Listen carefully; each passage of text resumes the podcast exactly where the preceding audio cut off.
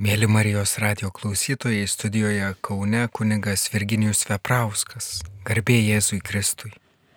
Ir panelį švenčiausi taip pat, malonus Marijos radio klausytojai, girdima laida aktualieji bažnytinės teisės klausimai.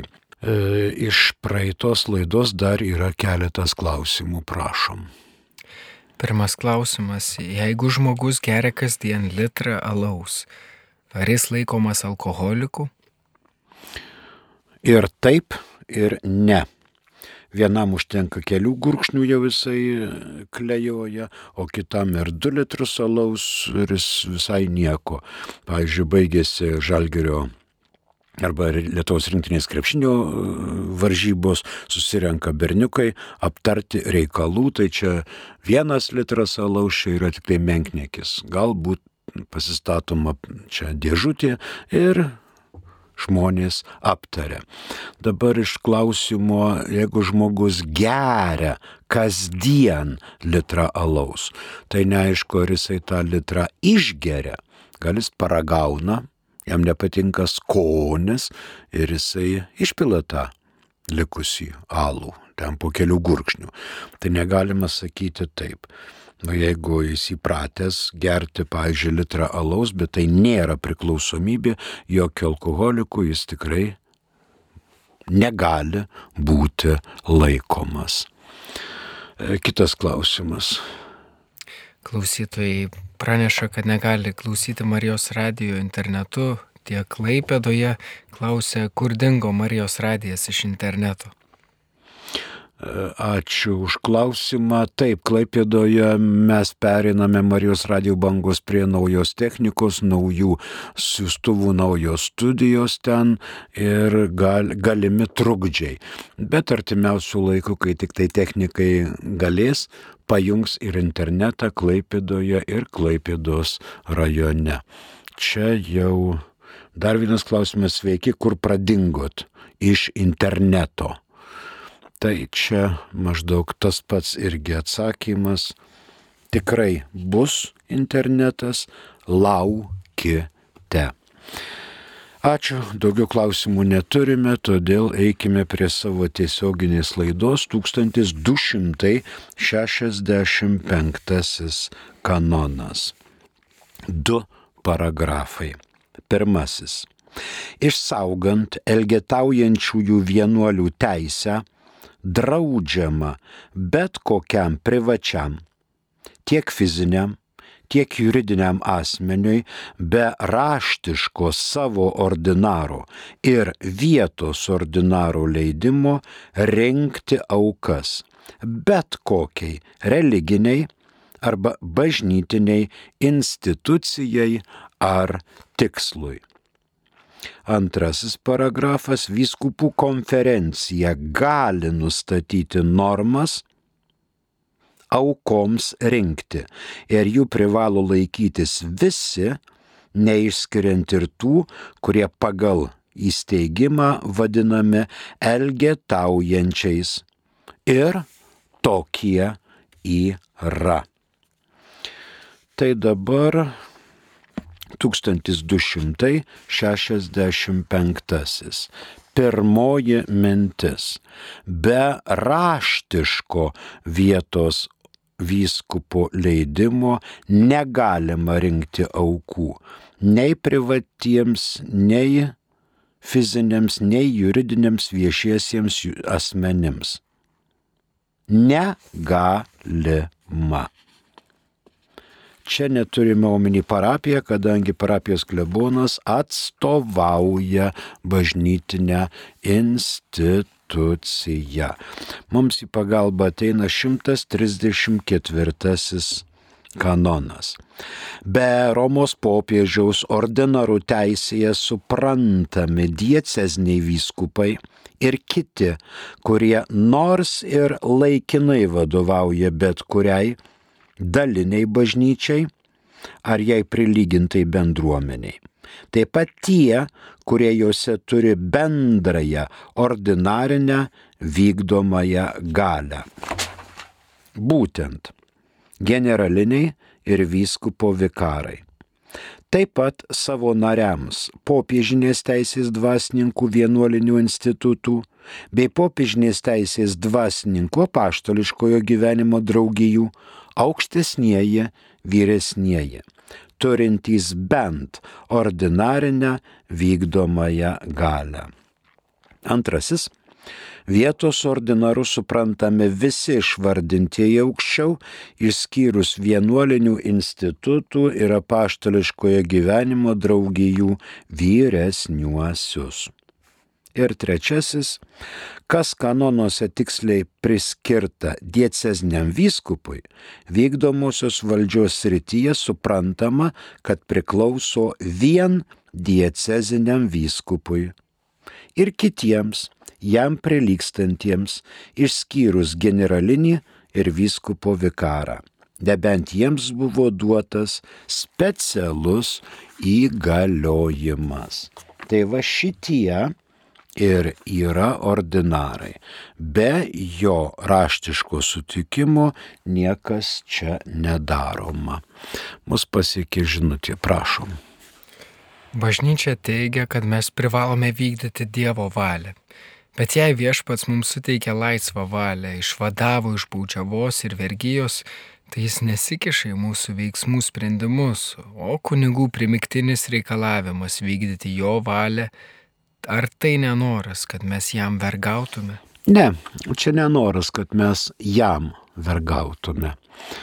E, kaip girdėjote ir šituose skaitiniuose, va, Benediktinės meldėsi, čia Jono 10 skyriaus 10 eilutė, Jėzus sako, aš atėjau, kad žmonės turėtų gyvenimą, kad apščiai jo turėtų.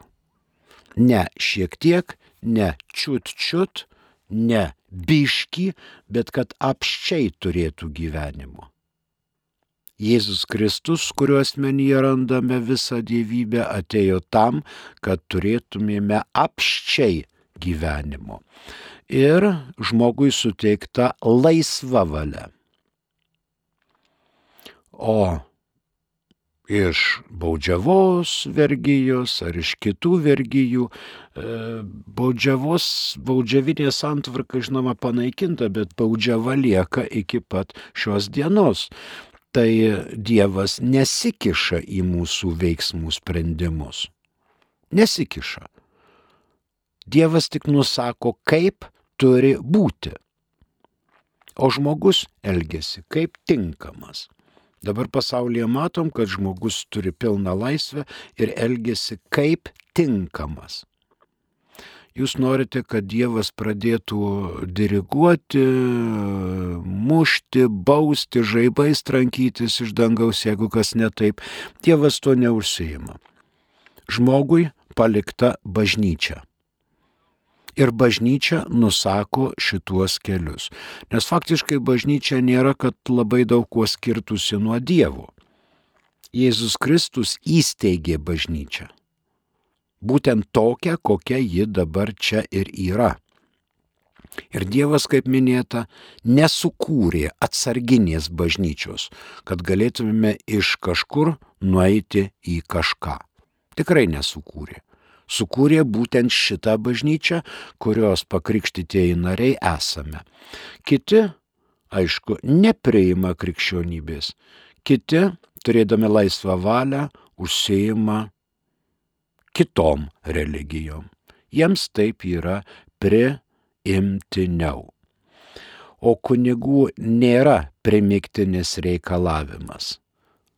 Kunigų yra kvietimas. Net ir dešimt Dievo įsakymų, žiūrėkit, netokiu imperatyviu parašyta e, žodžiu, bet reiškia, neturėsi kitų dievų tik mane vieną, netarsi Dievo vardo be reikalo, švesi sekmadienį, tu pats turi priimti šitą būtent konstituciją, kad ilgai gyventum ir kad nueitum į dangų. Ačiū. Na dabar toliau eikime prie jau mums žinomo 1265 kanono.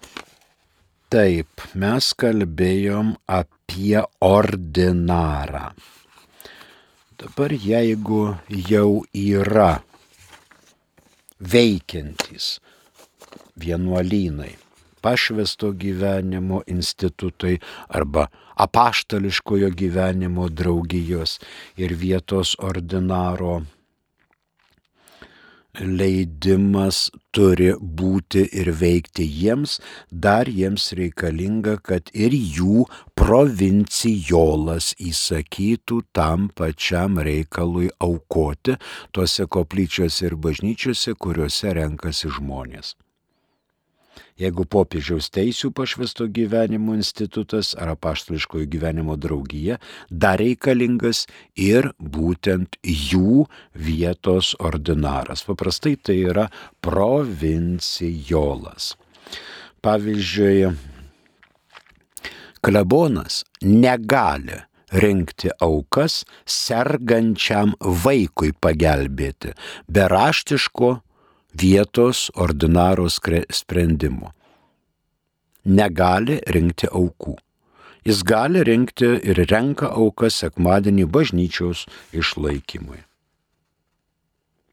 Nors vietos klebonui aukoms rinkti nereikalingas specialus vietos ordinaro leidimas. Jis ir taip tą daro ir renka aukas. Dabar kita mintis prie 1265. Vyskupų konferencijos nuorodos. Rinkti aukas laikosi ir elgetaujantis vienuoliai. Kokie pas mus yra elgetaujantis vienuolynai? Domininkonai, pranciškonai, kapucinai, augustinijonai ir karmelitai. Jie vadinami elgetaujantis, kadangi iš uh, aukų išgyvena. Jei jie nori rinkti aukas, irgi gauna savo vietos ordinaro leidimą jeigu jie turi vienuolynus keliose vyskupijose, iš tų kelių vyskupijų vietos ordinarų, iš visų vietos ordinarų privalo gauti leidimą renkti lėšas. Dabar aukų, trečia mintis, aukų rinkimo vieta. Tai yra sakralinė vieta - bažnyčia, koplyčia, šventorius, kapinės. Civilinėse vietose galima rinkti aukas tik su civilinės valdžios leidimu. Mums į pagalbą gali ateinti 600 kanonas. Evangelinis neturto patarimas sekant Kristumi, kuris būdamas turtingas dėl mūsų tapo vargšas reikalauja ne tik neturtingo gyvenimo tikrovėje ir dvasioje, gyvenimo uoliai laikantis saikingumo, ir atsiribojant nuo žemiškų gerybių, bet ir priklausomybės bei apribojimo, naudojantis ir disponuojant gerybėmis pagal savoją kiekvieno instituto teisę. Dabar kaip ne civilinėse vietose, galima tik su civilinės valdžios leidimu. Tarkim, vienuoliai nori rinkti labai geram, kilniam tikslui aukas. Gauna iš vyskupo raštą. Ten parašyta, visoje vyskupijoje galite rinkti. Nu tai įsivaizduokit, košia parapijas vienuoliai, nueina į Nidą, į moterų pležą ir visur abituoti renka, nes vyskupas jiems leido. Tai vėlgi reikia žiūrėti, ką vyskupas nurodė savo rašte, kokiam terminui, kokiam tikslui ir panašiai. Jeigu jau prasideda kažkokios tai juoką keliančios situacijos, tai suklūsta aišku ne tik tai konsultoriai, bet ir kunigų taryba ir prašo vyskupo paaiškinti, ką iš čia rašte leido tiem vienuoliam daryti. Nes sėdi klebonas parapijoje, o čia vienuolė aplinkui sukasi, mes renkam aukas tam ir tam tikslui, nes viskupas mums leido. Tai tokių kuriozų kartais gali būti, bet to neturėtų būti. O civilinėse vietose viešai galima tik tai suderinus su seniūnyje, su administratoriumi rajono ir panašiai ir panašiai, kad nesigautų kažkokių kuriozų ir cirkų. 1917 m. kanono kodekse šitą mintį reglamentavo 621 ir sekantys kanonai. Rytų kanonuose atitikmuo yra 1015. 1265 pabaigėme, tuo fiksuosime, bet reikia dar perskaityti žinutę. Prašom. Mums parašė Danielius. Sveiki, kaip sužinoti, ar man reikia egzorcizmų? jaučiuosi labai blogai ir noriu nusižudyti, nepadeda nei vaistai, nei būti ligoninėje. Ar tai gali būti susijęs su tuo, kad anksčiau praktikavau okultizmą ir juodąją magiją? Ačiū Danieliau. Būti gali visko. Dabar jaučiuosi labai blogai. Na, yra žmonių, kurie jaučiasi labai gerai, ir yra kurie labai blogai. Dalis iš jų nori nusižudyti. Tikrai neverta, nes žmogus nėra pats savo gyvybės davėjas. E, medikai kažką turi pasakyti, ar tai stacionaras, ar tai vaistai, bet jeigu nepadeda ilgą laiką šitie dalykai, gali būti, kad ir apsėdimo atvejai. Kreipėtės į savo parapijos kleboną, kuris patars, o dar geriau reikėtų šiek tiek pasimelsti, rožančių vieną kitą dalį sukalbėti, kokią savaitę kitą kasdien ir, žinoma, pasiruošus nueiti iš pažinties ir įvardinti, kad iškeičiau tikėjimą, praktikavau okultizmą ir aišku juodąją magiją. Įvardinti šitas nuodėmės šalia visų kitų, apgailėti ir gauti sakramentinį išrišimą tai turėtų tikrai pagelbėti. Ir aišku, galime kreiptis į kunigą egzorcistą, kuris melsis už jūs, Danieliau. Tai yra mūsų laikų dalykai, į kuriuos numoti ranka tikrai neverta. Ačiū už klausimą. Dabar dar kitas. Garbėzui Kristui. Ar gali šiokiadieniais būti neaukojamos šventosios mišios, jei jos neužsakytos ar nėra laidotuvių? Dabar kur? Kur mišios? Gali būti, kur jos negali būti.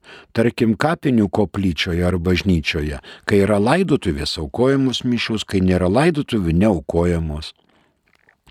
Kunigui labai dera kasdien atnašauti šventųjų mišių auką. Kasdien nėra įsakoma, bet primiktinai rekomenduojama. Ačiū. 1265 fiksuojame. Išsaugant elgetaujančiųjų vienuolių teisę, draudžiama bet kokiam privačiam tiek fiziniam, tiek juridiniam asmeniui be raštiško savo ordinaro ir vietos ordinaro leidimo rinkti aukas bet kokiai religiniai arba bažnytiniai institucijai ar tikslui. Antrasis, vyskupų konferencija gali nustatyti normas aukoms rinkti ir jų privalo laikytis visi, neišskiriant ir tų, kurie pagal įsteigimą vadinami elgetaujančiais ir tokie yra. Dabar šėlės 1266. Visose bažnyčiose ir oratoriumuose, taip pat priklausančiuose vienuoliniams institutams, faktiškai nuolat atviruose Kristaus tikintiesiems, vietos ordinaras gali įsakyti rinkti specialias konkretiems parapijos vyskupijos, nacionaliniams ar visuotiniams poreikiams skirtas rinkliavas kurios vėliau rūpestingai turi būti perduotos vyskupijos kūrijai. Taigi gali įsakyti. 1917 m. kanonų teisės kodekse šitos minties nebuvo. Dabar 83 m. kanonų teisės kodekse suteikiama vietos ordinarui teisė. Suteikiama teisė, bet nėra pareigos. Mums gali ateiti į pagalbą 1214 kanonas. 1214 kanonas. Bažnyčia. Vadinamas šventas pastatas, skirtas dieviškajam kultui, į kurį tikintieji turi teisę ateiti visų pirma viešai praktikuoti dieviškąjį kultą. Kitas 1200 23. Oratoriumu vadinama vieta, čia apie koplyčią, arba vieta dieviškajam kultui, ordinaro leidimu paskirta kokios nors bendruomenės ar ten susirenkančiųjų tikinčiųjų grupės geroviai į kurią kompetentingam vyresniajam sutikus gali ateiti taip pat ir kiti tikintieji. Pavyzdžiui, vienuolyno koplyčia. Pusiau vieša, kur renkasi ne tik vienuoliai, bet ir tikintieji. Tai pirma mintis Na, pasižiūrėkim dar į 608 kanoną. Vienuolinė bendruomenė privalo gyventi teisėtai įsteigtuose namuose, vadovaujant pagal teisės normas paskirtam vyresniajam. Atskiri namai privalo turėti bent oratoriumą, kuriame celebruojama ir saugoma Euharistija, kad tikrai būtų bendruomenės centras. Taigi, bendruomenės centras. Ne kokia nors vienuolė, kur nors susimanė viena gyventi, bet tai yra teisėtai įrengti namai su galimybę adoruoti Eucharistiją. Dar ko gero 611. Diecezinio vyskupo sutikimas įsteigti bet kokio instituto vienuolinius namus suteikia teisę. Šalia viso kito Trečias numerėlis - dvasininkų institutams turėti bažnyčią, liekant galioti 1215 nuostatai ir vykdyti šventąją tarnystę laikantis teisės nustatytų reikalavimų. Taigi, po vyskupo valdžia. Antroji mintis vyskupo tai ne prašymas aukoti. O įsakymas gali įsakyti rinkliavas vietos ordinaras. E, dabar vietos ordinaras savo vyskupijai. O vyskupų konferencija gali įsakyti tam regionui arba kraštui pagal kompetenciją. Vietos vyskupas gali prašy įsakyti rinkti lėšas parapijai, vyskupijai arba vyskupijos reikmėms netidėliotinoms ir taip, pat, taip toliau. Negali būti vyskupo noras rinkti lėšas bendrai. Šiaip trūksta lėšų, įsakau rinkti tai turi viskupas dekreto būdu parašyti, kuriam tikslui renkamos lėšos, kaip ilgai jos turi būti renkamos, kiek tikimasi surinkti ir kada bus amen bupt. Pavyzdžiui, gali viskupas įsakyti labai reikalingą bažnyčią. Bažnyčios statybai renkamos lėšos. Labai prašom. Trečioji mintis. Turbūt ateina mums aštuonioliktasis kanonas. Įstatymai, nustatantys bausmę, ribojantys laisvą naudojimąsi teisėmis arba nustatantys įstatymo išimtį, aiškinami siaurąją prasme. Šiuo atveju čia irgi tinka siaurai aiškinti. Parašytas reikalavimas, tai vad būtent šitam ir, o ne kam kitam. Ir reikia žiūrėti proporcijos. Viską, viskupas negali uždėti mokesčius, arba pareikalauti aukų, sugalvojam statyti baziliką didesnę už Švento Petro Vatikane. Tai nėra proporciška, tai nėra adekvatu. Ketvirtoji mintis. Žinoma, reikia pristatyti lėšas į kūriją. Vyskupas uždėjo ir visos lėšos suplaukė į tenais. Be dalybų ir be nulaižymų. Klebonas sakys, ai čia ir taip per daug tai kūrijai, aš noriu pusę pasilikti parapijai. Ne. Kiek yra surinkta, tiek ir nuvežama. Ir būtent tam reikalui, kam buvo skelbta.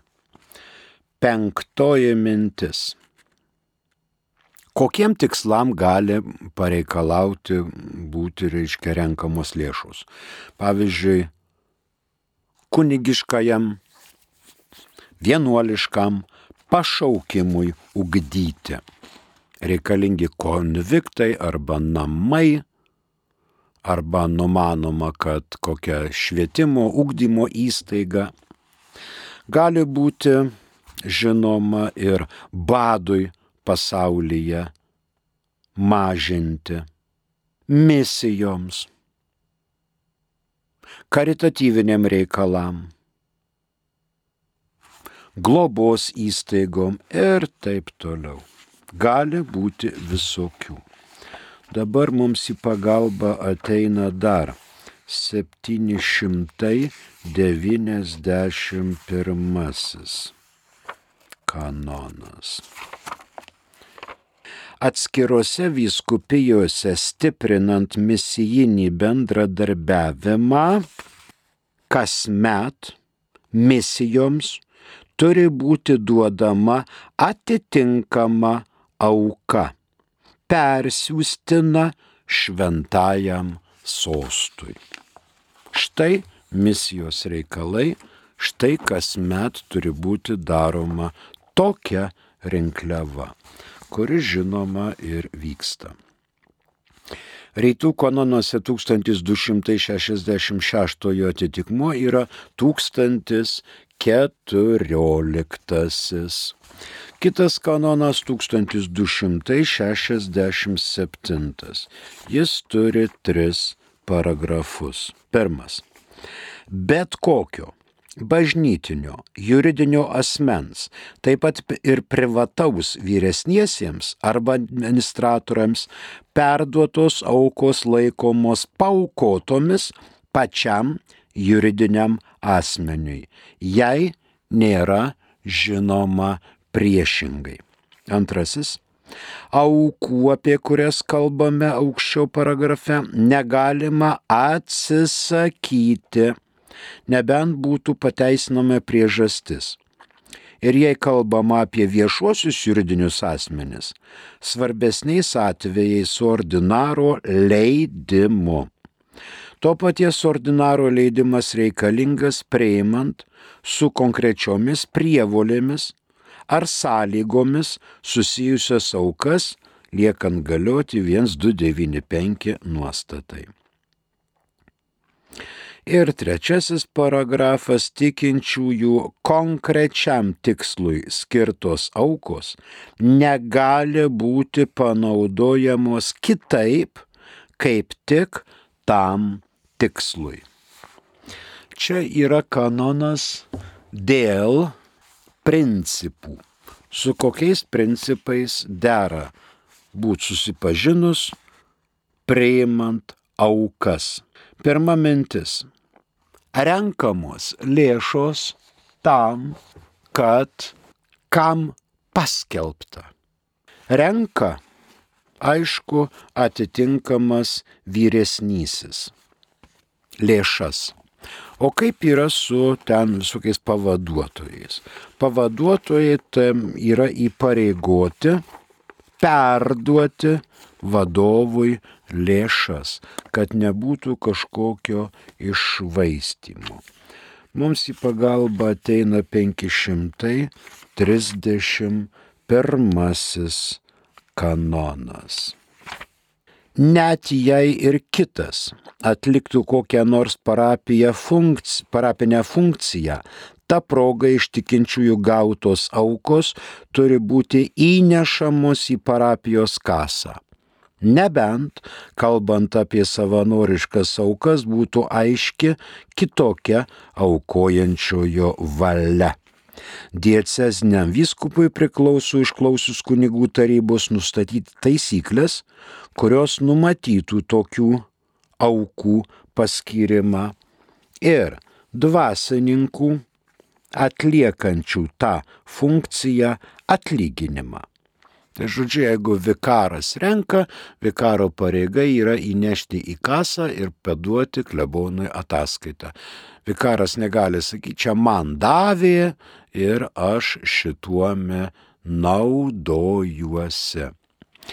Dar viena 551 kanono mintis. Dėl aukų kurias Kristaus tikintieji duoda vikarui, atlikusiam pastoracinę tarnybą, turi būti laikomasi, kaip girdėjote, 531 kanono nuostatų. Vikaras privalo perduoti visas aukas tam, kam jos yra skirtos. Na tai čia prie 1267 buvo pirmoji mintis. Antraja ir paskesnės mintis jau per kitą mūsų susitikimą. Mūsų laikas išseko, prie mikrofono dirbo kunigas Virginijus Veprauskas, ačiū Jums ir sudie.